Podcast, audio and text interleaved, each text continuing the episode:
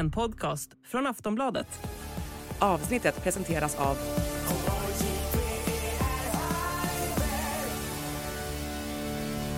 Stödlinjen.se, åldersgräns 18 år.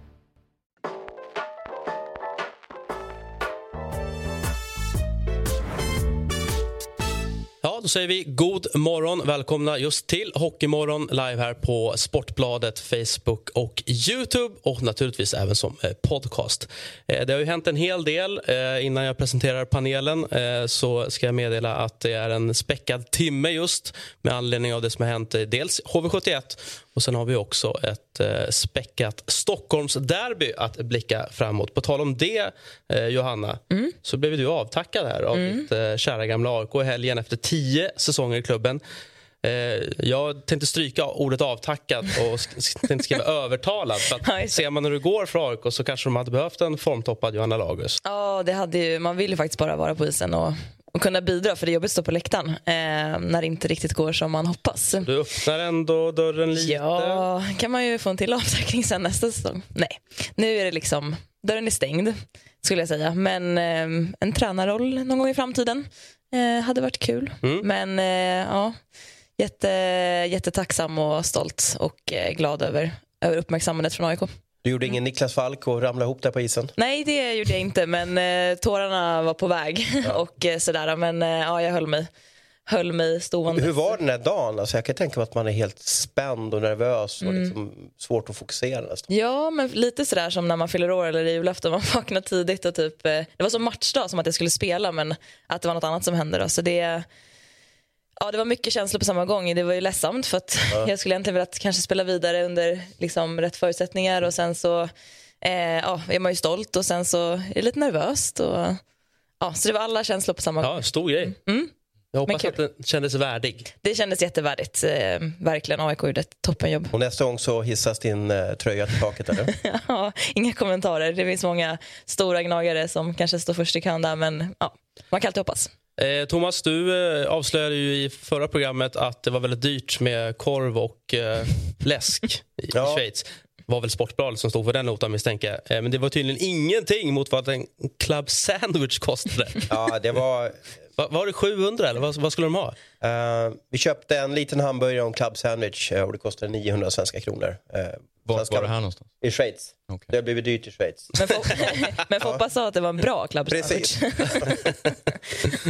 Nej, men det är ju valutan. Den står ju 12 kronor i schweizfrancen och det är det som spökar för, för när man åker utomlands. Så att mm, eh, flygplatsen i Oslo har nu en konkurrent. Ja, kan man ju säga. Club Sandwich i Schweiz alltså. Eh, ja, men du kom hem också med en stor intervju med, med, med Foppa eh, som vi kan ta del av på Sportbladet. Hur går hans träning inför comebacken? Jo, men han berättade väl att han pendlar mellan tresiffrigt och tvåsiffrigt och vill ner lite, ta lite långa promenader och springer lite där runt Sogsjön. Ja, men han kommer att spela i år, ska försöka övertala Espen Knutsen uh, att vara med i det där uh, veteranlaget också. Mm. Så att de får nog bra, uh, det blir nog bra lag i Sogs seniorer. Men han gjorde väl en del poäng på bara var det, fem matcher eller såna förra året? Ja, ja. ja, ja. Och han kallas för Flopen? Flopen? Flopen. Flopen. Det var ju lite roligt där för jag jag hade ju hört någonting långt bak och sen har jag i hans mailadress, jag ska inte berätta hur den är, men det finns ju det här namnet finns med där som är lite konstigt. Och jag, jag frågade honom så här, jaha kallas du för Floppa? Och jag såg ju hans svarta ögon liksom, för man, man vill inte kalla för Floppa. Liksom, men då var det ju Flopen, var det ju med dubbelord. Så att säga. Mm. Och sen eh, säger vi också god morgon till dig Patrik eh, som är dagens gäst. Eh, hoppas att läget är bra med dig. Det är mycket, mycket bra. Ja. Här. Härligt. Eh, du är varmt välkommen. 2021, eh, som jag säger det årtalet, vad tänker du på då? Uh, ja, karriärsavslut officiellt, ska man säga. Mm. Vad, eh, om vi tar anledningen till att du fick lägga av, vad, vad känner du kring det? Uh, ja, lite för många hjärnskakningar som uh, spökade då och spökar lite även idag. Men uh, mår mycket bättre idag. Så att, men det är trist när man inte får, får avsluta på sina egna villkor. Hur tufft är det att liksom komma fram till ett sånt beslut? Att, att man måste lyssna på, på kroppen och sina sinnen? Ja, eh, nej men det, är en lång, en lång, eller det var en lång process för mig. Eh, man vill väl vrida och vända och lyfta på varenda sten för att hitta någon lösning. Eh, men till slut så, så inser man väl själv att det, det, det funkar inte och då, Eh, då är det tufft, men det, man, man får, eh, får gå vidare helt enkelt. När, när fick du din första hjärnskakning? Eh, det var nog 2013 när jag spelade i eh, AL. Första. Och hur många har du haft sedan dess? Eh, det är lite svårt, men eh, säg i alla fall en eh, 4-5 som, som gjorde att jag fick vara borta lite längre. Hur märker man alltså första gången att man har en hjärnskakning? Är det jättetydligt eller är det svårt att liksom förstå? För mig var det svårt. Jag hade aldrig haft, eh, haft någon innan, så man var... Eh, jag kommer ihåg att jag Eh, normalt sett brukar jag ha ganska svårt att sova efter matcher. Eh, men efter den här matchen, eh, jag fick en smäll i första perioden, kände mig lite, lite snurrig. Eh, sen kom jag hem och så liksom däckade jag alltså, tio minuter efter att jag kom innanför dörren.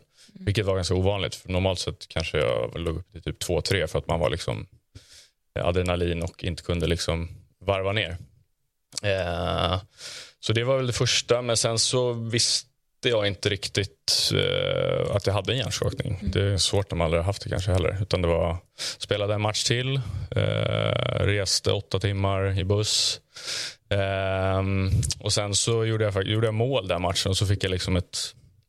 Någon klappade mig på huvudet och då var det liksom stjärnor och nästan så att jag föll ihop. Så då tänkte jag, nu är det nog något som inte riktigt stämmer. Eh, och då sa jag ifrån, eller då sa jag liksom att, eh, gick jag åt sidan och sa att ja, jag mår inte så bra. Mm. En målklapp räckte alltså?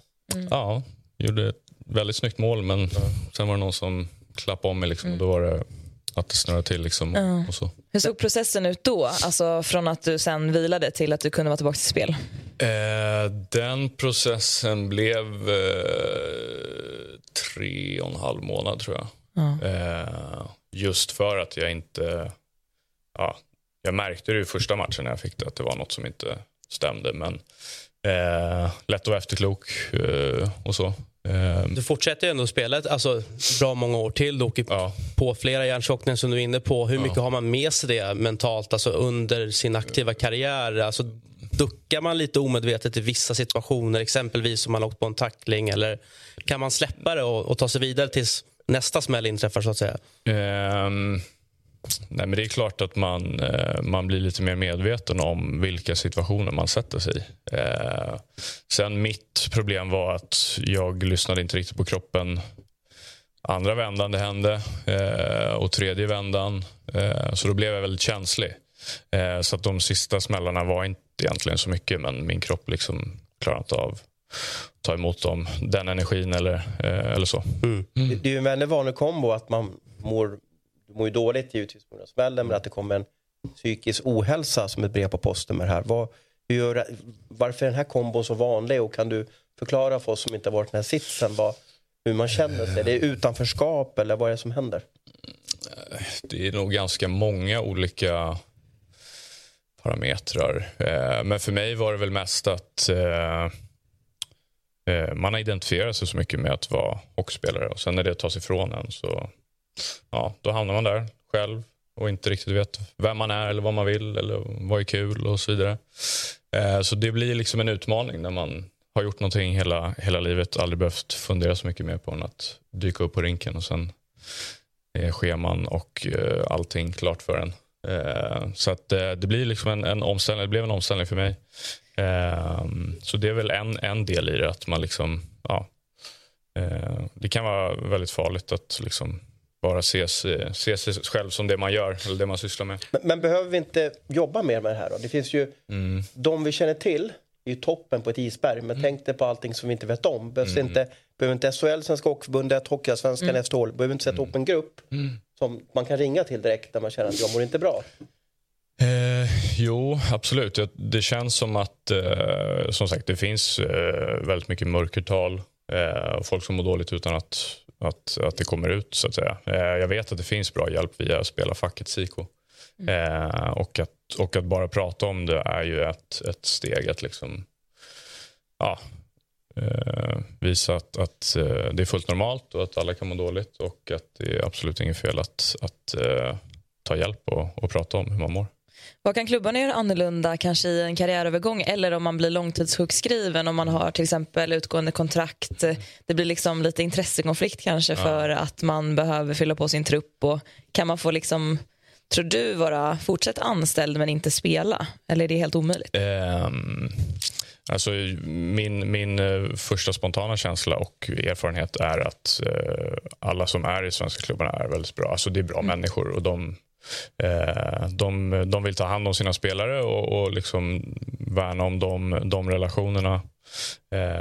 sen är det klart att det är en business och en en pusselbit som, som kanske inte riktigt, eh, eller som saknar ett hörn eller så, så, mm. så är det klart att den byts ut. Men det är så det är. Eh, men överlag så, så eh, bra människor inom ishockeyn och bra, eh, bra folk eh, runt om SHL-klubbarna. Eh, så att det finns ändå bra, bra skydd där skulle jag säga. Mm. Mm. Vad får ni för stöd från SHL vad det gäller så här karriärövergång med att börja plugga och att mm. hitta jobb och sådär? Ja, nej men det vet jag att det blir mer och mer.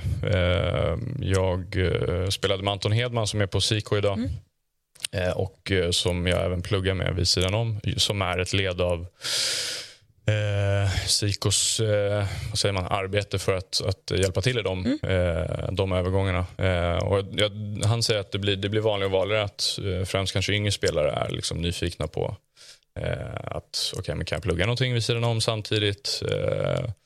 Det är inte bara ta en fika efter träningen och mm. spela tv-spel som, som det kanske kan verka ibland. Men men det, där, där, gör de ett, ett, ett, bra jobb och vill hjälpa till. Så att det, de har kommit en bit och, liksom finns säkert mer man kan bygga vidare på, men de gör ett bra jobb. Mm. Vi ska prata mer om ämnet och med dig Patrik såklart. Du har också en härlig hockeykarriär i ryggen.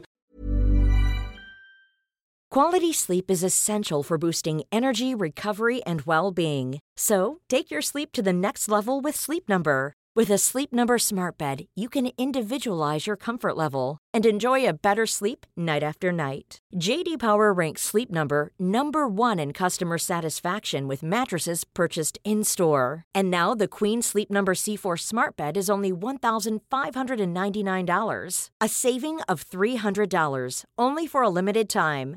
For JD Power 2023 award information, visit jdpower.com/awards. Only at Sleep Number stores or sleepnumber.com. Innan vi gör det så ska vi ta oss till den stora snackisen och det är ju läget i Jönköping HV71 som förlorade med eh, 8-0 på hemmaplan mot eh, Malmö. Eh, och vi inleder med att säga god morgon till Johan Lindbom. Hoppas att du mår bra. Och så undrar vi naturligtvis hur de senaste dagarna har varit för dig. Ja, god morgon på er själva. Jo, men det är, det är snabba puckar i hockey så att eh, jag gillar läget. Så att det var väl egentligen... Igår var en busy dag med fullt upp. Första dagen med laget och annat så att eh, somnade gott igår. De flesta eh, HV-supportrarna eh, pratade om att en förändring måste till efter den här matchen. Var det just den här matchen som blev avgörande eller har en förändring redan varit på gång så att säga? Nej, den blev väl avgörande, så var det väl. Jag fick en fråga från styrelsen, blev kallad till ett möte i söndag eftermiddag så att eh, den blev väl avgörande får man säga. Och du fick ju hoppa in redan förra säsongen som huvudtränare. Du har gjort det tidigare, ska tilläggas, eh, istället för att vara klubbdirektör. Vad tar du med dig och vad lärde du från, från det inhoppet? Blir det liksom lite samma principer du kommer att trycka på nu? Korta perspektivet blev väl det. Det går inte att få eh, förändra för mycket på så här kort tid. Vi har match ikväll redan. Så att jag har med mig det i, i ryggen vad vi gjorde då. Men nu är det en lite annan situation när vi har 40 matcher framför oss. Så att det, är också att göra en långsiktig plan. Men samtidigt så är vi ju i ett tufft läge. Vi, vi måste stoppa blödningen och eh, se, jobba kortsiktigt i det korta perspektivet här med tre matcher denna vecka. Kan du sätta fingret på vad det är som inte riktigt har fungerat eh, spelmässigt för HV hittills? Ja, framförallt är det ojämnheten. Bort, eh, nu var det på hemmaplan vi röstade igenom, men bortaplan har ju vi Släppt in, tror jag, över fem mål i snitt och vinner ingen hockeymatch. Vi, vi måste hitta någonting, någon stabilitet, något fast att ta i så vi inte faller igenom helt enkelt. Hur kändes det att vara delaktig i den här processen att, att byta ut Montén? Du har ju själv varit i samma sits och fått, fått lämna. Ja, all heder till Thomas som, som har stått där när det verkligen har blåst här sista veckan. Jag visar vilken fin person det är. Eh, otroligt tråkigt för hans skull. Han, han har gjort ett jättearbete. Han har lagt ner allt han har kunnat eh, tillsammans med övriga ledare i det här men tyvärr så vi lever i en resultatinriktad värld och eh, det är resultaten som räknas och då blir det så här så att eh, jag tycker han har visat vilken stor person det är och det är, det är inte kul när det händer. Det tycker jag inte. Eh, för din egen del, Johan, eh, är tanken att du eh, ska träna laget resten av säsongen eller ser vi det mer som en temporär lösning och sen återgå till din, din tjänst som klubbdirektör? Jag ser att vi ska... Alltså, det, det är tills vidare. Det, det är inget snack om det. Jag ser hela säsongen. Det är det jag går för. Jag reagerar lite på André Petersson, då, lagkaptenen, eh, hans uttalande mm. att det var väldigt otydligt, många frågetecken tidigare i, i HV71-spel. Kan du hålla med om, om att det har varit otydligt och lite diffust där ute? Nej, det är ju klart när det går dåligt så, så är det mycket frågetecken. Varför händer och varför vi är si eller så och spelar och så vidare. Så att jag kan inte uttala mig redan. Jag har inte varit i omklädningsrummet och varit med i den processen och så vidare. Men det, det är ju väl... Tittar ju bara framåt. Vi kan inte påverka det som att varit bakom oss utan nu tittar vi framåt och nu gäller det att vi alla rätar ut alla frågetecken och är väldigt tydliga med det vi gör. Kent Norbergs roll i det hela och lagbygget, hur, hur tycker du han har lyckats att värva ihop laget? Ja, när vi gick in i säsongen så såg vi, såg vi en stor potential i det här laget och nu så ja, presterar vi inte och jag tycker det är ett, ett större problem. Alltså det, är, det är att vi, ett lagproblem. Jag har fullt förtroende för Nubben så att jag tycker vi har potential att ta steg upp i tabellen men vi har ett jobb dit. Hade det funnits någon annan lösning? Jag tänker att man bytte ut tränaren förra säsongen också och nu händer samma sak. Eh, liksom att förändra i spelartruppen eller förändra på, på ledningsnivå på något annat sätt. Eller är det just tränaren som, som har blivit den förändringen man vill göra nu eh, för att man tror att det är rätt? Så det är svårt. Jag sitter på massa stolar och så vidare men ytterst är det styrelsen som tar de här besluten. Vi, vi har ju en plan. Jag är ju involverad givetvis i det sportsliga också. Vi har ett jättestort ansvar att vi, vi ligger där vi gör och det är väl därför jag kanske känner att plikten kallar när, när jag får frågan från styrelsen att de, de drar definitivt att det måste vara ske en förändring. Men, men jag tycker alltså vi, hade en, vi har en plan som, som kommer ta tid. Vi är ödmjuka inför det. Vi har varit nere och vänt i Hockeyallsvenskan. Det tar tid att bygga upp ett SHL-lag igen. Och eh, tyvärr så, så, har vi inte nått de prestationerna eller den nivån som, som vi önskar. Johan, med tanke på ditt starka track record här som, som tränare, är det inte dags för dig att, eh, att lämna kontoret här nu och bli permanent i ett hockeyboss istället? Det har inte varit min plan riktigt, så att, eh, jag vet inte. Men jag låter vara osagt vad, vad framtiden har i sin linda. Men du, hur överlever organisationen och kansliet då utan sin kapten? Uh, det vill säga, du är högst ansvarig, du ska ju genomföra morgonmöten, eftermiddagsmöten, leda, fördela. Och nu, sitter du, nu står du i båset. Hur, hur funkar HV71 då som organisation? Organisationen har ju varit också tilltufsad under både pandemin och ner Hockeyallsvenskan och så vidare. Men nu börjar vi fylla på rätt rejält på, på posterna så att jag känner mig eh, ganska trygg där. Men det var också en diskussion vi hade när jag, innan jag tackade ja till det här att styrelsen nu är behjälplig med, med det som händer vid sidan av och eh, där finns en process och vi har tankar och planer på det så jag känner mig trygg i det. Hur skönt är det att liksom ändå direkt få en match här, förvisso mot Malmö? Och hur mycket har du liksom hunnit göra här på ett ispass? men det, det, spelmässigt har vi faktiskt inte gjort någonting utan igår var att prata ut lite. Vi hade ett möte och jag tycker inte om att vi, alltså vi ska inte älta för mycket heller. Jag är lite tilltufsade killar just nu, särskilt efter smällen i lördags. Utan nu gäller det att, att få upp huvudena på dem, att våga gå ut där och prestera. Det är det det handlar om och egentligen skapa ett förtroende både för alltså, dem för mig så att de känner att de har en trygghet att gå ut där och inte behöver känna någon tvekan i utan vi, vi, måste ut och våga och våga spela vårt spel och killarna må, måste våga ut och prestera, våga vinna så att vilka motstånd vi har och så vidare. Men jag tycker det är rätt skönt att komma in i det direkt med match. Har Thomas fått möjlighet att säga hej då till eh, spelarna? Jag vet inte om han gjort något. Han har inte varit på plats. Det har gått väldigt fort så att det, det vågar jag inte säga. Och inför matchen då, lite avslutningsvis. Eh, känner du att det är läge för några förändringar i, i femmorna eller rullar ni på där? Och sen undrar vi lite kring Nick Shore om han är spelklar. Nick Shore har inte kommit till Sverige ännu så att han är inte med sen en pappersexercis där så att vi hoppas väl lite senare i veckan att han kanske med oss. Eh, nej, förändringar återigen. Alltså, som jag sa, det är ett tilltufsat gäng där som, som måste nu repa mod igen och komma in och göra massa förändringar. Det kommer inte göra till en början. Sen som allting annat, som precis i alla andra lag, det är gäller att prestationen också är där. Men nu gäller det att bygga spelaren. Det är nummer ett för mig. Vi säger så Johan. Tack så mycket Ja. och, och lycka till med din, med din comeback i båset. Tack så mycket. Johan Lindbom alltså som eh, ja, igen då får, får axla rollen som eh, coach för HV71. Speciellt ändå att, eh, att det är match så tätt inpå och att det är också mot Malmö, tänker jag. Ja, fast hade jag varit intresserad av betting och spel så hade jag gått all in på HV71 ikväll. De kommer vara som hungriga tigrar. Håller du inte med mig att det här är ju, nu är det upp till spelarna. Hade jag varit Lindbom så hade jag bara sagt att grabbar, gå ut och kör nu ikväll. Nu har ni chans att bevisa det mot, mot gå. samma Mm. lag som förnedrar dem på hemmaplan att ni kan spela hockey. Ja. Ja, nej, jag tror inte det kommer vara så mycket stora förändringar i, i, i deras spel mer än att de ska in, eller han ska komma in med en, en energiklick och eh, verkligen liksom gjuta mod i, i, i grabbarna. Som spelare då, eh, och för dig också Johanna, ni har väl säkerligen varit med om att det har skett förändringar mitt under säsong eller kanske i slutet av säsongen. Hur förankrade brukar de här besluten vara bland er som spelar? Brukar liksom merparten känna att ah, men det här var nog rätt eller finns det lägen där man känner vad fan sysslar de med där uppe på kontoret? Så jag kan ge en liten parentes till att jag har faktiskt aldrig varit med om att tränarbyte mitt säsong. Man håller i pengarna lite hårdare när inte budgeten Ja. är lika stor faktiskt. Alltså, Mm. så det, jag har faktiskt ingen erfarenhet av det. Mm.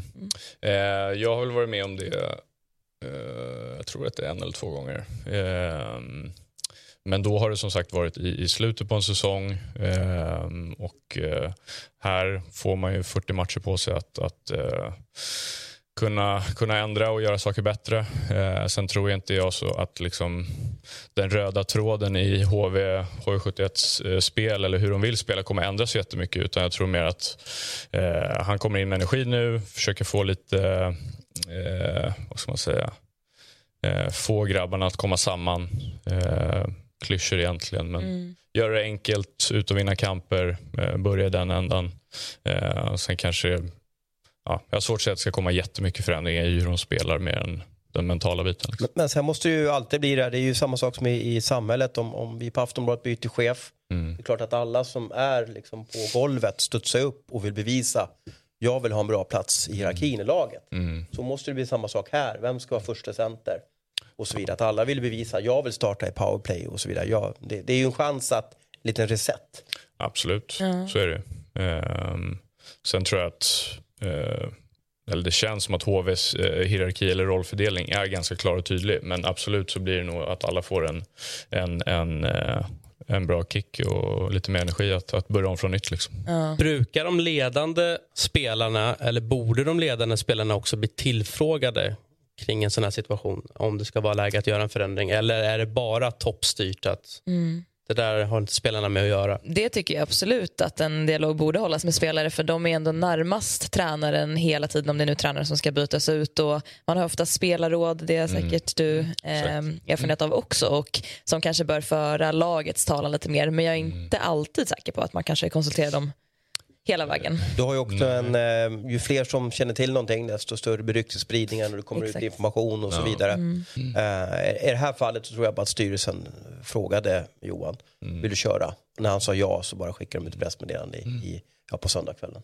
Ja, nej men det är klart, så finns ju spelarråd och sen även eh, eh, lagkaptenstrion eller hur många man nu har. Eh, det är klart att de har varit förmodligen varit informerade om vad som kanske händer eller om de har haft synpunkter och så. Men sen som sagt så, så är det väl Jo, men det är ju en sak som- att bli informerad. Min fråga var mer, bör de bli alltså tillfrågade? Ska de ha den makten så att säga att kunna exempelvis då vara med och avsätta en tränare? Men André Petersson har ju varit tydlig i media. Men när man ser hans intervjuer så har man ju nästan ramlat baklänges för att han har ju inte hållit igen.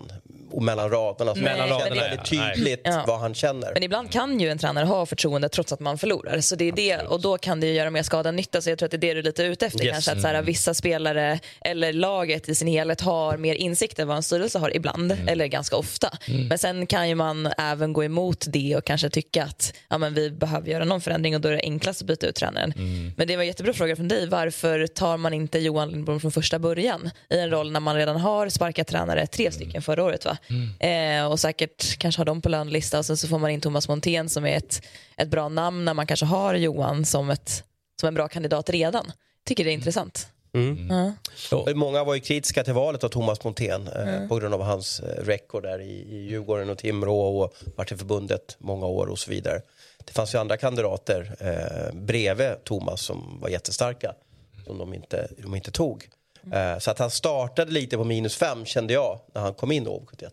Ja, och jag vet inte vad man kan säga, alltså, om han kan säga så mycket mer om så speldetaljer som han vill ändra på. Men när man går in och säger att han ska få dem att våga prestera, då känns det som att det har varit en dålig miljö, alltså rent psykiskt. Men sen så känns det också som att de har varit otroligt dåliga defensivt och i försvarszon, så där måste de ju verkligen börja eh, peta på detaljer fort. Ja, jag såg eh, eh, sista tio minuterna av den här matchen och eh, jag kan liksom inte komma på att jag har sett en sån kollektiv kollaps. Det, alltså det är väl två mål på åtta sekunder. Alltså det, det, hade matchen pågått i fem minuter till så hade det slutat 0-14. Eh, Har du någon erfarenhet av det där när det blir det här och bara, alltså ingenting fungerar. Det är som att allting bara lägger av. Ja, jag vet inte om jag har haft, inte 08 kanske, men, men det är klart att det händer när, när så, det är ingenting som fungerar. Eh, och Det är väl då man måste ha ett bra ledarskap och en bra ledar, eh, ledargrupp i, i laget också som, som liksom, eh, visar vägen lite. Sen ibland, såna här matcher kommer hända alla lag oavsett hur bra man än är. Men, men eh, det är klart att det blir i det här läget kanske lite eh, proppen nu. Liksom. Du var ju med och åkte ur med Djurgården här för tio år sedan. Och jag minns ju inte, men bytte ni tränare under det året? Eller hur? Ja, det var väl det. Jag tror till och med att vi bytte två gånger i slutet av säsongen. Jag tror att eh, Hardy fick lämna. Eh, sen tror jag att Tony Sabel kom in. Och sen tror jag att Challe kom in även i slutet. Mm. Eh, Vad blev det var två- skillnad under den resan då? Vad, vad hände i laget och sådär? Ehm, som sagt, det var ju liksom i slutet på säsongen. Eh, hoppades väl på... Eller det, det kändes lite som att det här är sista utvägen. Försöka få lite ny energi i gruppen. Eh, lyckades uppenbarligen inte, så att jag vet inte om, om, om att byta tränare är bästa receptet. Kollar man på Brynäs, eh, och Nisse gjorde det bra. Men, men för oss så, så blev det ingen, ingen succé direkt. Say hello to a new era of mental health care. Cerebral is here to help you achieve your mental wellness goals with professional therapy and medication management support. 100% online. You'll experience the all new Cerebral Way, an innovative approach to mental wellness designed around you. You'll get a personalized treatment plan from a therapist, prescriber, or both in a safe and judgment free space. Your cerebral therapist or prescriber will outline a customized plan with clear milestones along the way so you can get to feeling your best. With Cerebral, you're not alone in your mental health journey. We're here to empower you to live a fulfilling life. So take that first step towards a brighter future and sign up today at cerebral.com slash podcast and use code ACAST to get 15% off your first month. Offer only valid on monthly plans. Other exclusions may apply. Offer ends July 31st, 2024. See site for details. Vi ska eh, hålla oss kvar lite inom ämnet för vi ska eh, säga god morgon och prata med en av de spelarna som då stod på andra sidan HV-debaclet eh, och det är ju Malmös William von Barnekow, för övrigt ett av SHLs bästa efternamn tycker jag. God morgon eh, och grattis till ett bra efternamn. Ja, tack så mycket. Tack. Du, vi sitter och pratar lite om HV71 och då blir det väldigt intressant att prata med dig eh, eh, som är på liksom andra sidan av det här liksom haveriet som HV bjöd på. Hur, hur är det att, att spela en sån match? När, när, märker man liksom att, att nu de här klappar ihop? För sista minuterna i den här matchen är bland det mest bisarra jag sett. Ja, det var ju en, det var en speciell match. Eh, det känns som att, vad var det, när vi gjort 5-0 eller sånt, då bara blev det några mål på raken och de bara föll ihop totalt. Eh, bland annat gjorde ni två mål på åtta sekunder. Har du varit med om något snabbare? Nej, det tror jag faktiskt inte. Eh, nej, det har jag nog aldrig varit med om. Och Du hade ju en eh, härlig match för din del. Eh, målskyttet är igång i, i matcherna innan också. Du har spelat eh, fem matcher i första linan med, med Kokkanen och, och Pajuniemi. Vad säger du om inledningen för er och, och för Malmö överlag? Jag tycker den har varit ganska bra. Vi, vi har fått igång ett bra spel som vi spelar och sen att jag får spela med två extremt skickliga spelare är ju bara kul för mig och det gäller att ta den chansen när man väl får den. Du hade en trist avslutning på förra säsongen och det pratades om väldigt lång rehabilitering. Men nu, nu känns det som att du har kommit tillbaka ännu starkare. Är, är det att du har hunnit träna igenom kroppen eller vad är, vad är hemligheten till att du maxar just nu? Men det, jag tror det är både att jag har blivit starkare i kroppen, sen är det väl också det mentala som har blivit bättre.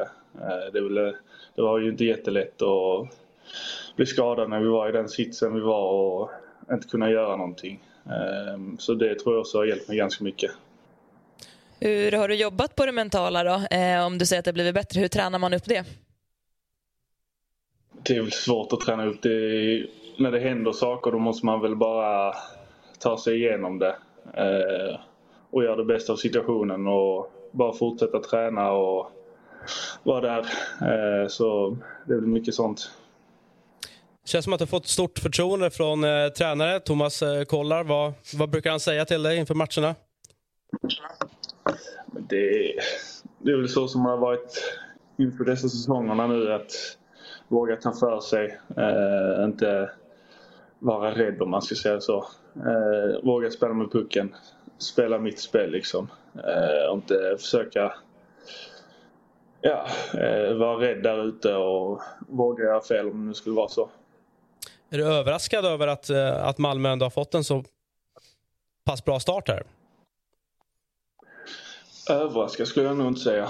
Eh, vi, har, vi visste redan innan att vi har ett ganska skickligt lag. Eh, det är, det är lite skillnad från förra året. Vi är ett mycket spelskickligare lag nu. Som vågar hålla i pucken och vill ha mycket puck och inte kasta bort den.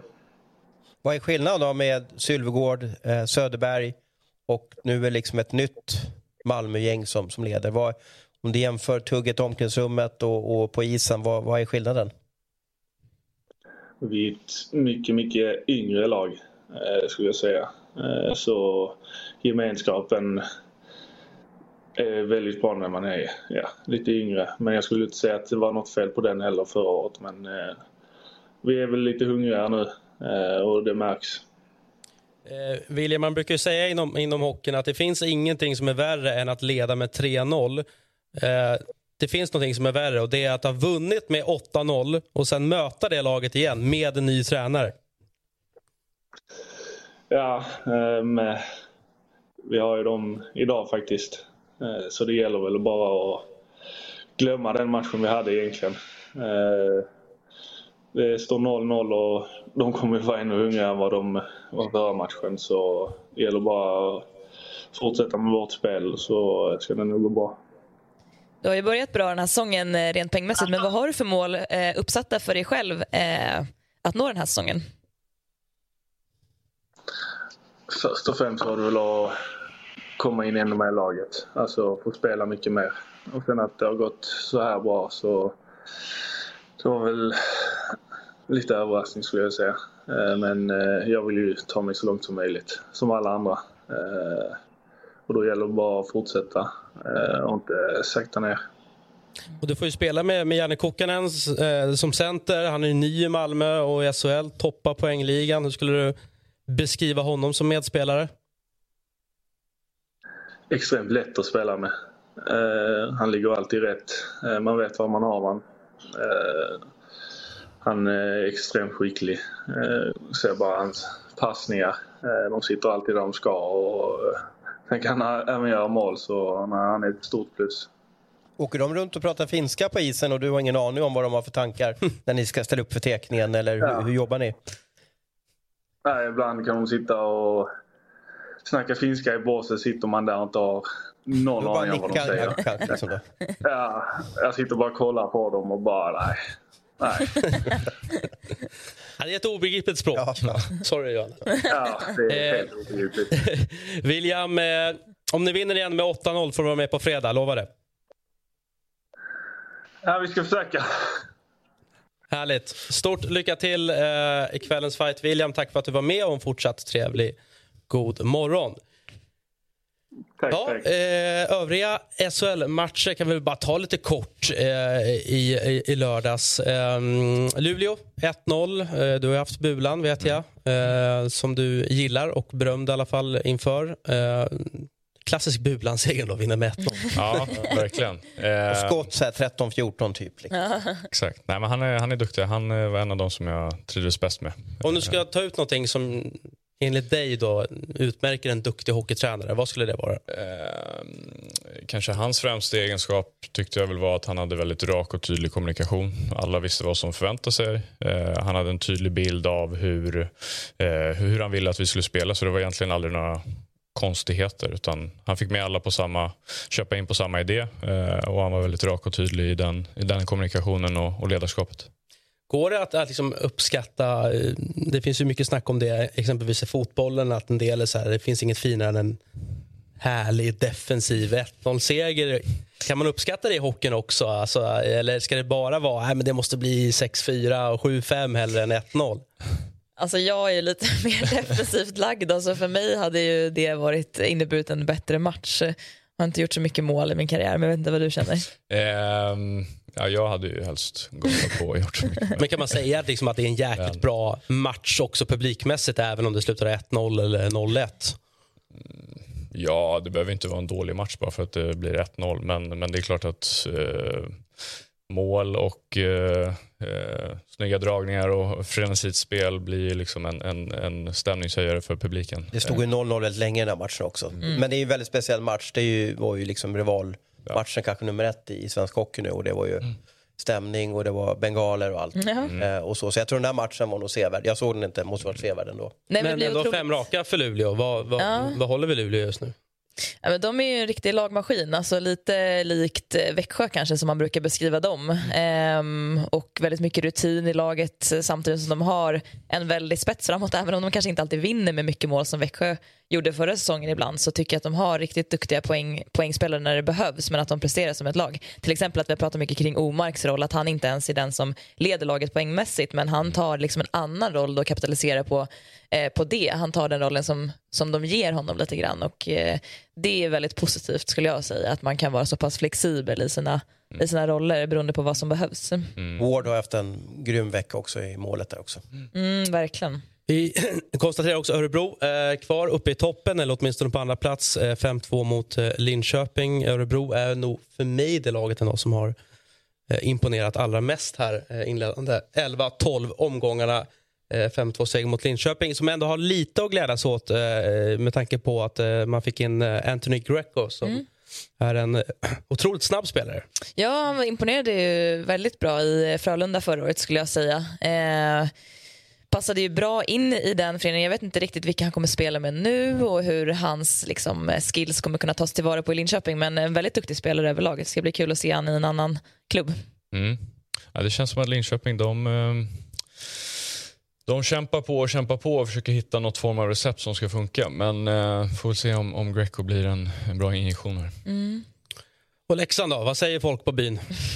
Ja, det är väl... Um, det finns väl tre lag som man funderar på vad, som, vad det händer i och det är ju Djurgården och HV och, och Leksand just nu. Uh, HV har ju dragit i livlinan, liksom märkt med sparka tränare. Uh, Djurgården och Leksand är ganska tyst runt men det är självklart att det diskuteras. Mm, Ashton Carter är skadad va? Ja, precis. Mm. Klås borta, Martin Karlsson borta, Jon Knuts borta. Så det är många som är frånvarande där uppe. Mm. Uh, vi får se vilken väg Leksand hittar framöver här. De har ju ett Norrlands resa nu, både Skellefteå och Luleå, så det är inte de lättaste lagen. Men sen vill jag påstå att det finns nog ingen lätt match i SHL. Det är en ganska jämn mm. serie och tuff serie. Behövs det vässas på eh, sportcheferiet här mitt under säsongen från Leksands Det där diskuteras ju alltid och jag förstår inte riktigt vad det spelar för roll. Eh, jag förstår ju att den frågan kommer upp eftersom man är besviken på värvningar. Mm. Men att byta ut sport, sportchef under säsong påverkar inte spelet på is under säsong. Mm. Det påverkar Nej, lag, alltså inte byta ut honom, att han behöver agera nu. Jaha, alltså. att han ska värva spelare. spelare. Han ska värva ja. spelare. Um, en del resonerar lite som Malmö gör eh, och sådär, att man inte vill störa gruppen för mycket. Att man vill ha, låt de här spelarna få förtroende. Mm. När de skadade spelarna kommer tillbaka, ja men då kommer det hända någonting och, hoppas att man får en turboeffekt då. Mm. Sen är det väl klart att, att eh, Leksandsfansen tycker väl konstigt varför värvar inte vi Anthony Greco. Mm. Varför, varför, är vi bara stilla? Du kom väl in mitten i säsong till Leksand där också? Ja, eh, nej men först och främst så tror jag att det finns ett stort eh, förtroende för, för Tjomme i Leksand från föreningen och även från fansen. Han har gjort det väldigt bra hittills tycker jag. Eh, sen är de har många borta. Spelet kanske inte riktigt stämmer. Det är klart att, eh, klart att han analyserar marknaden, vad som finns eh, där ute. Men jag får en känsla av att det inte heller finns så jättemycket eh, intressant. Och man vill ju kanske inte bara slänga in folk för att det ska hända någonting utan det måste ju kanske finnas en, en, eh, en lite bättre plan bakom att värva en spelare. Och jag kan ju gissa att Greco, jag har inte sett hans liksom, kontrakt, men han blev nog inte billig för, för Linköping. Nej. Säkert inte. Nej. Men vad tycker du om eh, Leksands insatser? Då? För HV är det väldigt tydligt att det är ett dåligt eh, försvarsspel, men att för de gör ju ändå en hel del mål framåt i vissa matcher också. Ja, nu har vi sista fyra matcherna, ja men det är ju stjärnorna som inte levererar. Ja. Jag, jag, tycker att Marek Rivik, Petter Cehlarik eh, inte är tillräckligt bra än så länge och de får ju starta varje powerplay, får väldigt mycket förtroende. De bästa spelarna kanske Oskar Lang, Kalle Östman och så vidare. De finns ju lite längre ner i hierarkin. Vejdemo har gjort det bra. Mm. Eh, sedan saknas ju kanske bästa backen, eh, Matthew Cato. Eh, han är på väg tillbaka. Ja, vad har vi för status på honom? Ja, men han kanske ska spela nu på torsdag eller mm. Hur skulle du säga det påverkar om man har tydlig hierarki i ett lag med första andra lina eh, mot tredje och fjärde och eh, första andra inte presterar? Tycker du att det brukar skapa liksom, osämja då i gruppen? Uh, nej, det tycker jag inte. Uh, ofta så, uh, det är klart att alla strävar för att spela mer och, och, och liksom utvecklas och, och, få en större roll. Uh, men ofta så, så är man ganska bekväm i sin roll förhoppningsvis och vet vad som förväntas av en. och då Eh, istället för att eh, gnälla om att första och andra inte, inte presterar så, så eh, försöker man bidra med sitt mm. Eh, och göra så bra, så bra som man kan. sen så självklart får man möjligheten eh, att spela powerplay när man kanske inte är van. Det är klart att man, man gärna eh, tar den då. Mm. men, men jag skulle inte säga att det, jag menar, det är ett lag och alla, alla förstår sin roll förhoppningsvis. I alla fall i de bra lagen som, som jag har spelat i så, så har det varit ganska tydligt vad som förväntas av en. Och, och så. Var det inte så när ni mötte HV71 i finalen här för 12 år sedan att ni var ju liksom massa unga mm. juniorer där som tryckte på. Du, Kryger, mm. jag vet inte vilka mer det var, kanske ja, Norman eller Brodin, Ja, precis.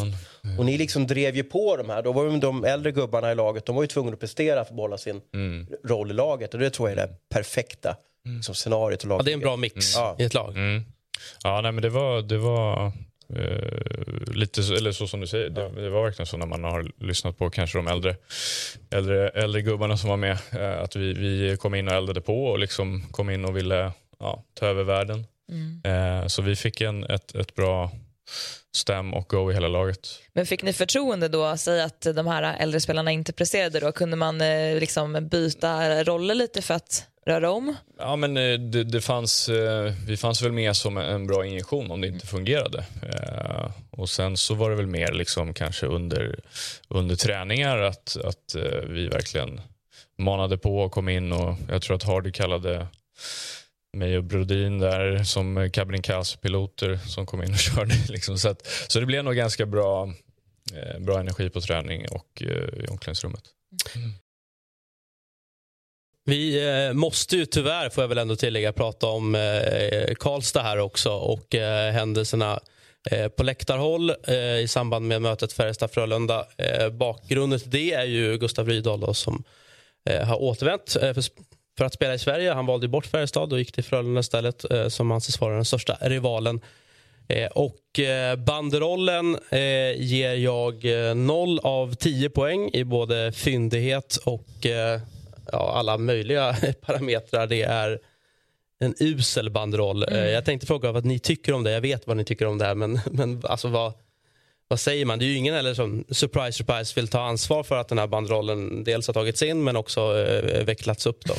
Ganska många som håller i banderollen ser ut som i alla fall. Då. Ja, men det är så märkligt liksom om nu de eh, stora supporterföreningarna i Färjestad har tagit avstånd från det här, var, så som jag förstår det. Men ändå så håller man upp den. Det är en väldigt intressant psykologisk eh, Där kan jag bara ur, ur ett supporterperspektiv säga, jag som har stått på många ståplatser, att det är väldigt svårt från det hållet att se. Vad, alltså man blir ombedd av någon att hålla upp här nu. Det är inte så att man liksom kanske bara, okej vänta nu, ska jag bara Nej, jag jag se om jag står bakom innehållet på banderollen. Så det behöver ju inte nödvändigtvis betyda att det är de här som är liksom Nej, bovarna. Nej exakt. Men det är intressant hur det liksom kommer igenom hela vägen. Någonstans har det ju liksom brustit någonstans har det ju fallerat, grann. Men jag eh, fattar flera det. gånger ja, om, ja. ja. Man kanske inte kan lasta alla som står i klacken så liksom. Men, äh, Nej, men sen det, känns det ju liksom, alltså, har vi inte kommit längre liksom? Alltså, Och jag trodde vi hade gjort det. Det är det jag menar. Det är det som gör mig så besviken. Jag tycker att det har tagit så stora steg.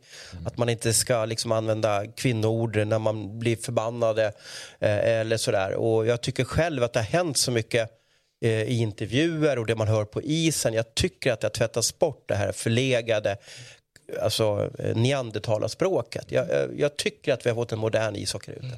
men vi är på god väg och bara reaktionerna alltså i studion och från media och egentligen från, från de allra flesta eh, tyder på att vi har kommit långt också. Förut kanske inte hade varit så stora reaktioner på det här och nu är det ju det man tar avstånd och man ja, pratar om problematiken bakom att man använder den typen av ord och, och varför så att det, det är ju positivt. Eh, och sen är det ju också så att det här är ju anspelar på så att han ska ha valt liksom bästa budet. Eh, och den del jag har tagit av hur det här gick till när Rydahl hamnade i Frölunda så kom Färjestad aldrig med ett bud. De var inte där riktigt. De trodde nog att de tog honom för given. ja. Och, och då, är det ju, då har han ju inte sålt sig för några pengar utan då Nej, bara... nej och sen, det är som du säger, det finns ju väldigt mycket som händer bakom kulisserna som, som eh, de flesta supportrar inte riktigt får, får ta del av. Eh, sen vet jag inte, visst han var i Färjestad, gjorde det bra, men han har även varit i, i Luleå, han har varit i Växjö. Eh, han har väl vuxit upp i Göteborg om jag inte minns helt fel. Nej, eller i Färjestad han har Ja, jag tror han har väl Färjestad som moderklubb, men han Okej. kan ha, vux- Ja. alltså, det kan vara bla, lite Eh, blandat. Men jag tänkte ja. på det på när jag kollade på hans Elite Prospect för att se så här, är han verkligen en Färjestad-fostrad spelare? Så Ja. det är han ju inte på det sättet som man kanske skulle då kunna trott. Det är inte en Joakim Nygård, är det inte. Nej, Nej. precis. Nej, nej precis. Och, Men, men sen ska man också veta att Färjestads liksom lagbygge just nu, de, de sitter med väldigt långa och tunga kontrakt. Så det är också frågan, alltså, har de möjlighet att ge Rydahl marknadsmässig lön? ja, det känns som att Färjestad hittar en väg varenda år och, och hittar de där kontrakten. Man får ringa någon kaffeleverantör kanske. Exakt, exakt. Nej men det, det är klart att det, alltså, jag, som sagt jag, jag tror att han hade en, en vilja och ambition att, att uh, få spela för Frölunda en dag. Jag har ju spelat han i Luleå. Uh, då uh, kom vi varandra ändå ganska nära och pratade ganska mycket om, om karriären och livet. Sen fick han ut väldigt skjuts efter det. Så att jag, är bara, jag är glad att han, att han hittat en nivå där han kan leverera och, och prestera bra. Och liksom haft det i sig hela tiden. Känns som på ett sätt. Han verkar vara väldigt oberörd över det hela. Jag kommer ihåg att jag skickade sms till honom när han var borta i Nordamerika liksom och lite så här. Sportbladet avslöjade att han var klar för Frölunda och det vart ju liksom ett, ett race och ett brusorkan där ute utan dess like. Men han var helt oberörd. Jag, jag, du känner honom säkert bättre på annat sätt än vad jag gjorde. Men jag blev förvånad över att han svarade och lite så här, ja men det är bra att man kan beröra det ute och så haha ungefär. Eh, och jag tror att han var så cool också. Ja, jo, men det är väl en, en, en eh, skön inställning att ha. Jag menar, han kan inte påverka vad, vad som sägs oavsett sätt varför, varför egentligen lägga så Och jag, ska bara avsluta med en grej också med den här banderollen om vi kollar på den här tabellen nu som, som ni ser. Färjestad leder SHL. Eh, man har gjort en succévärvning istället för Rydahl i Tomasek. Uh, varför orka bry sig om att man inte värvade Rydahl? För hade man tagit Rydahl hade man inte tagit Tomasek. Nej, så är det ju. Och kanske att Färjestad som klubb eh, bara för att liksom än mer markera, gå ut och säga att nej, men vi var inte ens intresserade. Vi la inte ens ett bud. Så att, menar, då blir bandrollen ännu mer patetisk. Men då hade ju fansen rasat mot Rickard Wallin. Hänger du med? Ja. Ja, men det kanske har varit bättre ordval på bandrollen då, misstänker jag. Ja. Underkänt är det i alla fall. Sen hade väl säkert Färjestad förmodligen, om de hade velat haft han kommit fram till någonting. Men det kändes ju som att det här var klart ganska tidigt. Att han eh, signade i Frölunda. Utan att jag vet om det, men, men det, det, känslan av att det var klart ganska tidigt och att han var inställd på vad han ville göra. Mm. Vi kollar till nästa omgång i SHL. Eh, noterar att Oskarshamn exempelvis har vunnit tre av fyra, är lite på gång och det är ju tre matcher ikväll. Ja, de första två får faktiskt ursäkta. Det är, det är den sista mellan Malmö och HV som man är väldigt spänd på här. Eh, Malmö på hemmaplan dessutom då med den där 8-0-segern i bagaget. Ja, det kan bli sjukt kul och liksom ur ett analysperspektiv bara Första kolla. fem vill man ju se här. Ja, men man vill se hur HV liksom uppträder på isen, vad de har för beteende nu när det rör sig om i grytan helt och hållet. Så det ska bli superintressant. Mm. Patrik, Yes. om jag ställer frågan till dig. När var du som bäst Mm. och i vilken klubb då? Ehm, ja, bäst över en hel säsong så var det väl eh, Rögle första året där jag fick eh, mycket av eh, bitarna att falla på plats. Eh, sen tycker jag att jag fortsatte spela bra när jag kom till Luleå men eh, tyvärr så, så började skadorna trilla in då. Mm. Så att fick inte riktigt ut min potential tycker jag. Fyra olika SHL-klubbar. Går det på något sätt att liksom jämföra dem eller hitta skillnader?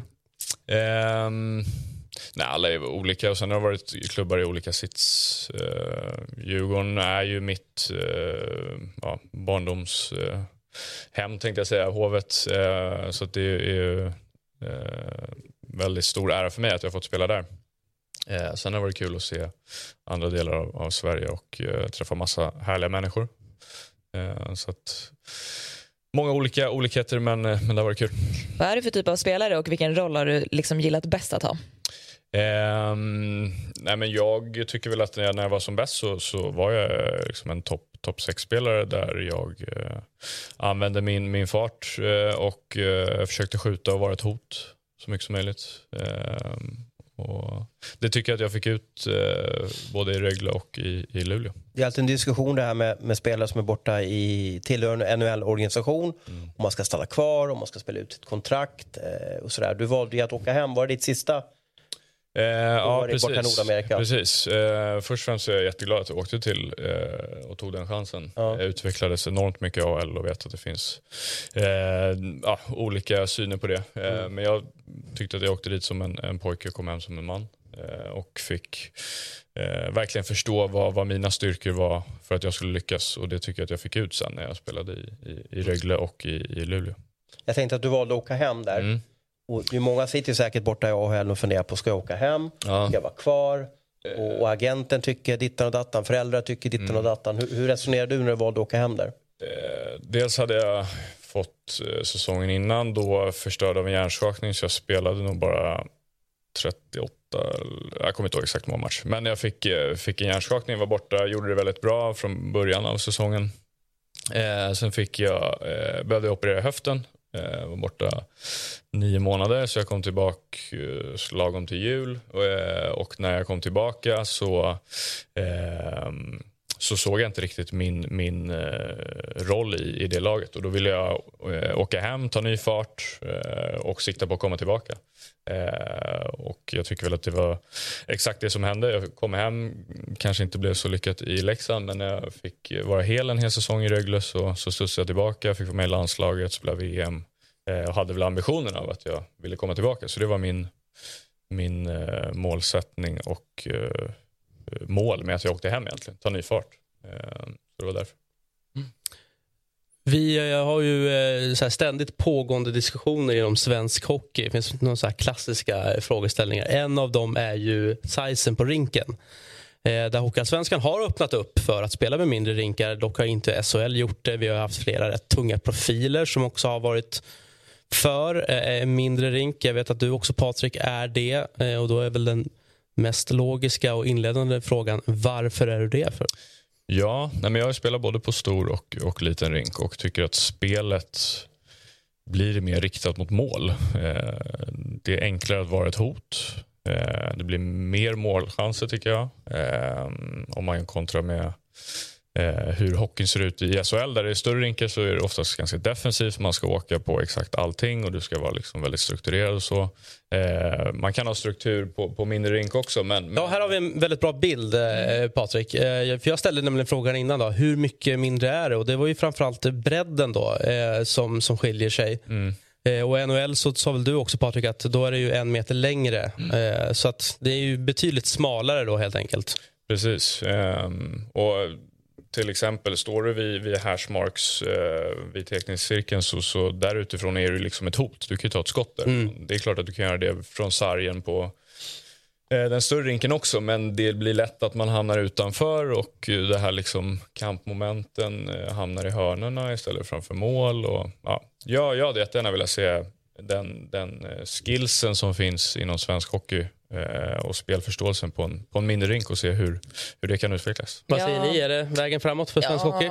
Ja, men kanske. Jag har inte spelat själv på liten rink men eh, mycket av försvarsspelet är uppbyggt på att man ska hålla spelarna på utsidan såklart. Det är väldigt grundläggande. Och finns det yta då som man öppnar upp för motståndarna att ta eh, på utsidan i hörnen eh, så kommer de ju göra det.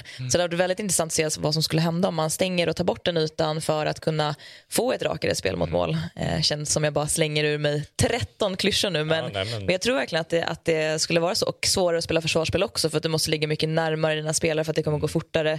Eh, så du behöver liksom bli bättre då på skridskoåkning, ehm, på att ligga stick och pack och så vidare. Eh, Men är det praktiskt genomförbart då? Ja, det är nog bara att komma med ett direktiv högre upp och alla ska ändra. Men, Bygger vi eh, om. Exakt, men, eh, ja, men det är klart att det, det går att, eh, går att, skulle gå att få igenom ett sånt och jag tror inte det är så eh, kanske problematiskt som det, som det låter. Men Som jag förstått så har Frölundaborg en, en, en ysyta som har NHL-mått, alltså inte själva Frölundaborg utan en, en bredvid där. Och, och tanken med det, det var ju att Frölunda ville träna sina spelare på lite mindre yta för att du måste ju vara skickligare då. Du har mer klubbor runt om, du har folk som är närmare, du måste ha, ha stenkoll på allting. Eh, Jag kan ju då vara lite frågan till om, om vi har tillräckligt skillade spelare i, i Sverige för att klara av spel på, på eh, liten rink eller om det bara blir slafs och slag och, och, och, och sådär. Men mitt förslag i det hela det är att Ja, men det är ju massa försäsongsturneringar som pågår inför turneringen. Vi har i, nere i, i Strömstad och så vidare.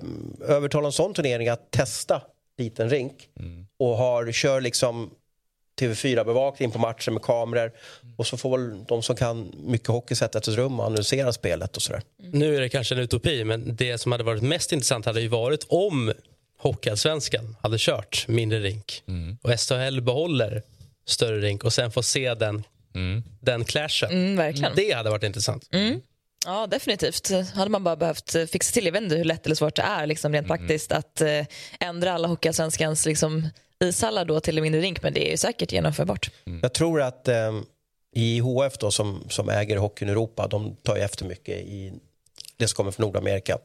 Ja, men USA och Kanada kör ju liten och sen hela resten av världen kör ju stor. Vem, Ja, vem, vem ska- Finland kör en De hybridvariant. kör okej, ja. Finnarna är ju alltid lite ett, ett steg före när det kommer Nej, men om. Internationella hockeyförbundet bestämmer att ja, men vi nu går vi över till liten rink. Men det är också en otrolig ombyggnad i tusentals hallar som ska genomföras.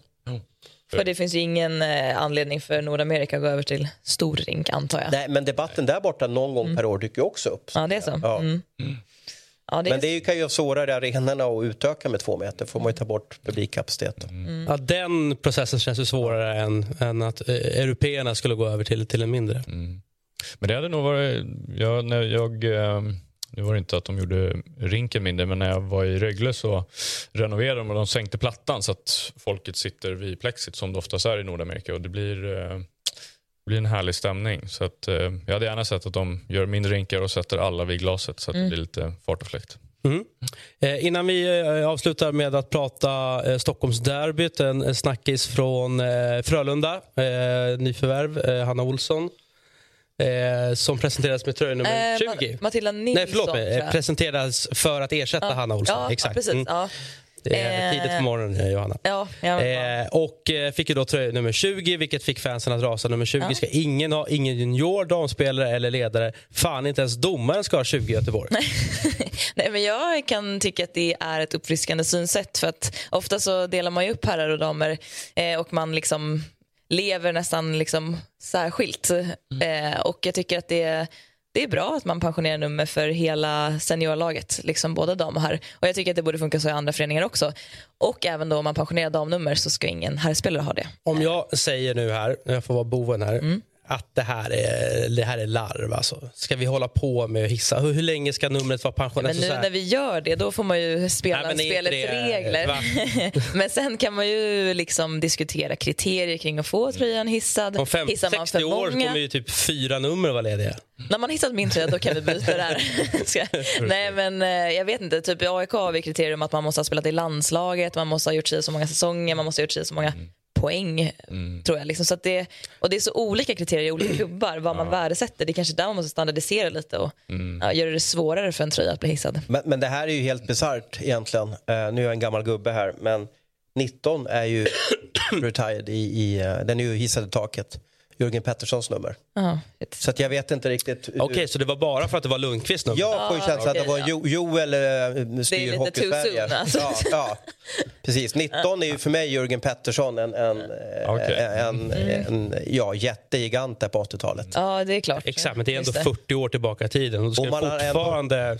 Då man har ändå tröjan i taket. Ja, just det. Ska det bli preskriberat så man hissar ner tröjan, Ja, tycker du? Eller? Alltså. Men det- Titta, Ja, men ett decennium kanske är lagom. Det, är ju, det bygger ju liksom eh, en tradition och karaktär i föreningen tycker jag. Sen beroende på vilka kriterier. Men om, om 19 redan hänger i taket då är det kärleken till Joel, ja. Som, som eh, supporterna Styr inte bara Frölunda då, utan, utan Hockey-Sverige. fortfarande. Ja men, vadå? ja, men 20 är ju inte hissad heller Nej, väl? den Nej. kommer väl säkert det-. Den kommer ja, men jag menar det, men den är inte hissad än. När Ja, får det är i och man... Ja, när ska man då... Hon får väl byta när han hissas. När den hissas? Ja.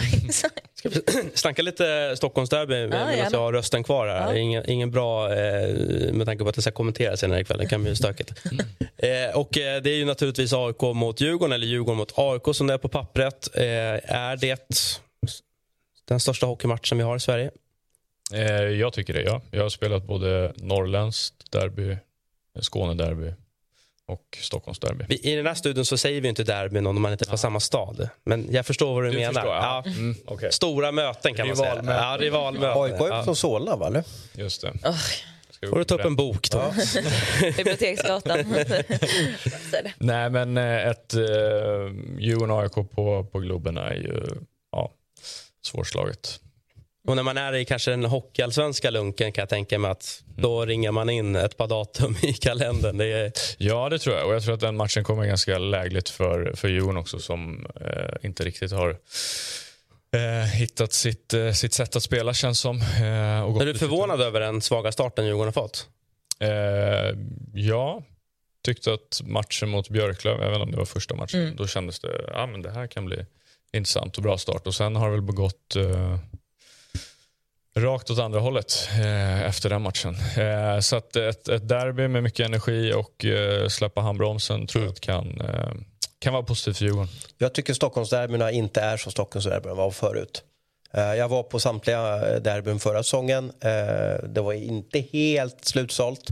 Det var inte där, det var inte där liksom elektriska på, på läktaren. Eh, AIK ståplats var inte superfylld. Det känns som att de här hardcore fotbollsfansen inte hittar till hockeyarenan. Nej, de har ju kämpat mycket med publiken eh, de ja, föregående säsongerna, skulle jag säga. Ja. Eh, 80-talet på Hovet var, var helt otroligt. Tyckte också eh, där i början när AIK kom tillbaka så var det några helt fantastiska matcher. Lite stök tyvärr. Eh, men då var det så att man bara satt och bara wow vilken match. Har du något favoritderby? Eh, nej men eh, jag tror faktiskt aldrig att vi vann ett derby när jag spelade i Djurgården. Eh, tyvärr. Men, Trist. Eh, ja.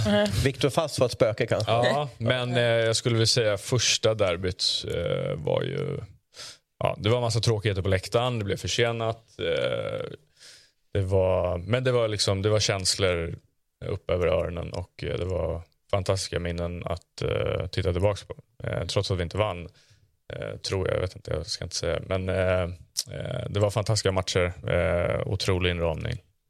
Eh, så att det, var, ja, det var kul. Och vem hade trott att AIK ändå skulle ligga före Djurgården i tabellen? Förvisso är ju inget av dem topplag, men Nej. eh, så är ändå eh, fakta här. Det känns lite främmande att vara bäst i stan just nu. Men eh, vi får Det är väl långt se. kvar. Det, ja, imorgon är väl när det avgörs på riktigt. Och lite nostalgi också. Eh, Globen byggdes ju, eller Avicii Arena som heter nu, 1989 till hockey-VM.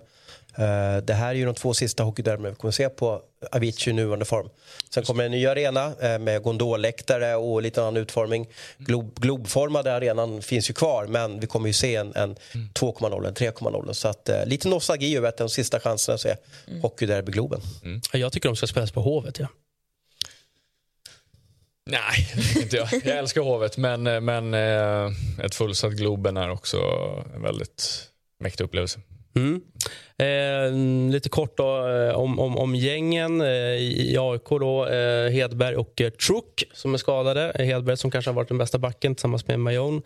Emil Wahlberg hajar man ändå till eh, in från Modo. Han var ju ändå lagkapten i fjol. Där. Ja, exakt. Så det är ju förvisso bara två matcher då. Man får in honom, men det är en jättebra spelare. Så att, jag hoppas att han kan vara bidragande orsak till vinst imorgon. Nu, nu ska jag eh, igen bli lite upprörd här. eh, Utöver då att hissa för många tröjnummer i taken. Alltså de här korttidslånen. Alltså, jag älskar dem, de är ju underbara. Ja, Jag tycker det händer ju någonting. Alltså, då, Ja, men hur, alltså, det är inte seriöst. Han suttit ska komma ner och spela två... Då får han väl spela i tre Ja, månader. mer, eller? mer trade, det ska hända mer grejer. Det ska liksom byta spelare. Jag tycker det är Men jättehäftigt. hur känns det att vara den spelaren då? Alltså som bara, hörru, du Ja, det blir töntigt om man kommer med, med matcher. liksom Modos byxor, att han liksom spelar Ja. en typ av röd hjälm eller någonting. Då blir det ju töntigt. Men tänk om man går in och avgör. Vad, vad, vad roligt och häftigt. Jag har absolut inga problem med det. Jag tycker det är roligt när det liksom blir en injektion inför match. Man kanske skulle kunna ha en minimumnivå på dagar, alltså typ så här, eller matcher. Du ska vara ner fem matcher, annars så kan man skita i det. Och om vi tänker på Emil också, han, han sitter ju i, i, i liksom uh, Hinkens superfrysbox där uppe i Modo. Kul för honom att få chans att spela hockey. Så är det ju på ett personligt plan, Ja. absolut. Men eh, Ja, nej, men det är väl det. Alltså, alla vill ju spela. Det är ju aldrig kul att sitta i, eh, vid sidan om eller inte få, få, vara, få vara med. Så att säga. Så att, eh, jag tror nog bara han är exalterad och spelar lite hockey. Eh, får säkert mycket istid eh, och visa att han eh, ska tillbaks norrut kanske. Det som Ja. blir bisarrt då, Kristoffer, och det är ju det som har skett i Hockeyallsvenskan när man gör en namngiven tredjemålvakt. När Adam Åhman tar upp HV71 eh, som tillhör Växjö. Den är bisarr. Den kan jag tycka man ska syna. Jag hade också Du gillar att det händer saker. Myrenberg. Jo, men Myrenberg kom in till, till, eh, till Djurgården i fjol och eh, tillhör Linköping. Mm. Avlönas av Linköping och är nära att spela upp Djurgården. Den, den har jag lite svårare för. Mm. Ja, nej, jag har nog ingen riktig åsikt om det. Men nej, jag vet inte heller. Men jag tänker att det förs också diskussioner. Och skulle Emil Wahlberg göra det jättebra nu i AIK, avgöra derbyt imorgon. Eh, och Då får han så, stanna kvar ju. ja, alltså det kanske AIK vill, men då är frågan vad Modo vill. Och då kanske, och Emil Wahlberg kanske vill stanna, så måste han åka tillbaka. Det kan öppna jäkligt mycket jobbiga ja, dilemman också. Nej, men att, att, att de skickar iväg honom mm, bevisar ändå, eller tycker jag, att de, de tror ju på honom. De vill att han ska spela. Så att, eh, de ser det väl positivt att han får, får istid. Och det är en bra eh, första match att testa vad han går precis. för, minst ja, sagt. Verkligen. Han lär, han lär vara taggad. Vilka behöver steppa upp i Djurgården då, om Djurgården ska vinna derbyt? Ehm, hela kollektivet skulle jag säga. Mm. Det, tyvärr så har det varit lite för, för dåligt på de flesta fronterna och de får inte ihop det. Ehm, så att, eh, jag hoppas som sagt att eh, det blir en enorm energiklick här i och med derbyt. Och att de, eh, I alla fall, jag, jag förväntar mig inte så jättemycket ändringar i spelet men, men att viljan och eh, eh, energin finns där. Och liksom, det, det är det nog det viktigaste inför, inför imorgon. Det var väldigt dåligt tålamod med Fagervall för ett år sedan i Djurgården. Och jag har svårt att se att Garpen kan sitta kvar om man förlorar Stockholmsderby mot, mot AIK. Det borde liksom vara spiken i kistan. Sen är det alltid det här klassiska, men vem ska ta över? Eh, HV gjorde ju att klubbdirektören gick ner i båset. Jag har svårt att se... Montén är ledig. Ja, men KG i båset, vad tror du om det? Eh, det har jag nog. Han har många strängar på sin lyra men eh, jag tror att då har han nog gjort allt i Djurgården. säga. De har varit på alla roller. Men Kurt Georg, Stoppel. Det gillar. Härlig karaktär. Han var väldigt rolig att prata med. Han var med förra veckan. Eh, nästa omgång kan vi kolla på eh, utöver eh, Stockholmsderbyt så noterar vi eh, ett par ja, men, nordliga möten. då Björklöven-Östersund. Eh, och Sen får vi se om det är färdigdansat för Nybro nu. Ja, verkligheten börjar komma ikapp lite. Åkte väl på en 2-7 mot Almtuna. Ja, exakt. Ja, men det blir, nu vet jag inte vad vi har för tabelläge. Jag kommer inte ihåg var de Nybro och Västerås ligger, men det är ändå ja, övre delen. Eh, det blir en eh, tight 18 poäng på båda där. match. Eh, Så det är toppmöte skulle jag Det kalla är det. en otäck hockeyallsvenska måste jag säga. Ja, med, med, Södertälje och Djurgården så där långt ner. Eh, det här Mm. kommer bli ett race liksom med 52 matcher. Det är långt kvar. Så är det. Eh, ska vi avsluta med att tippa Stockholmsderbyt? Jag Mm. säger eh, kryss. Och, låt, och här, här har vi en tredje grej. Låt det bli oavgjort då. Exakt. Ingen jävla skills game eller straffar eller hårda slagskott. tack. 2-2, en poäng var. Åk hem nöjd. Tack, tack. Nej, men jag säger att eh, Gnaget vinner med 3-2. Djurgården har ju pressen på sig, eh, har det bättre laget. Eh, hockey, det är mycket mentalt i hockey. Jag tror också AIK kommer vinna på grund av att Djurgården håller stenhårt i klubban. De är livrädda ute. Eh, Jag tror Djurgården vinner, Klasen dominerar, Brodin gör två mål. Bra, tydliga tips. Eh, kul att få prata med er eh, och i synnerhet med dig Patrik. Mm, eh, stort tack. Hoppas att vi ses igen och hoppas att ni också eh, tittar eller lyssnar för den delen eh, på Hockeymorgon. Vi är tillbaka på fredag med massvis av ishockey och eh, såklart även snacka ner Stockholmsderbyt.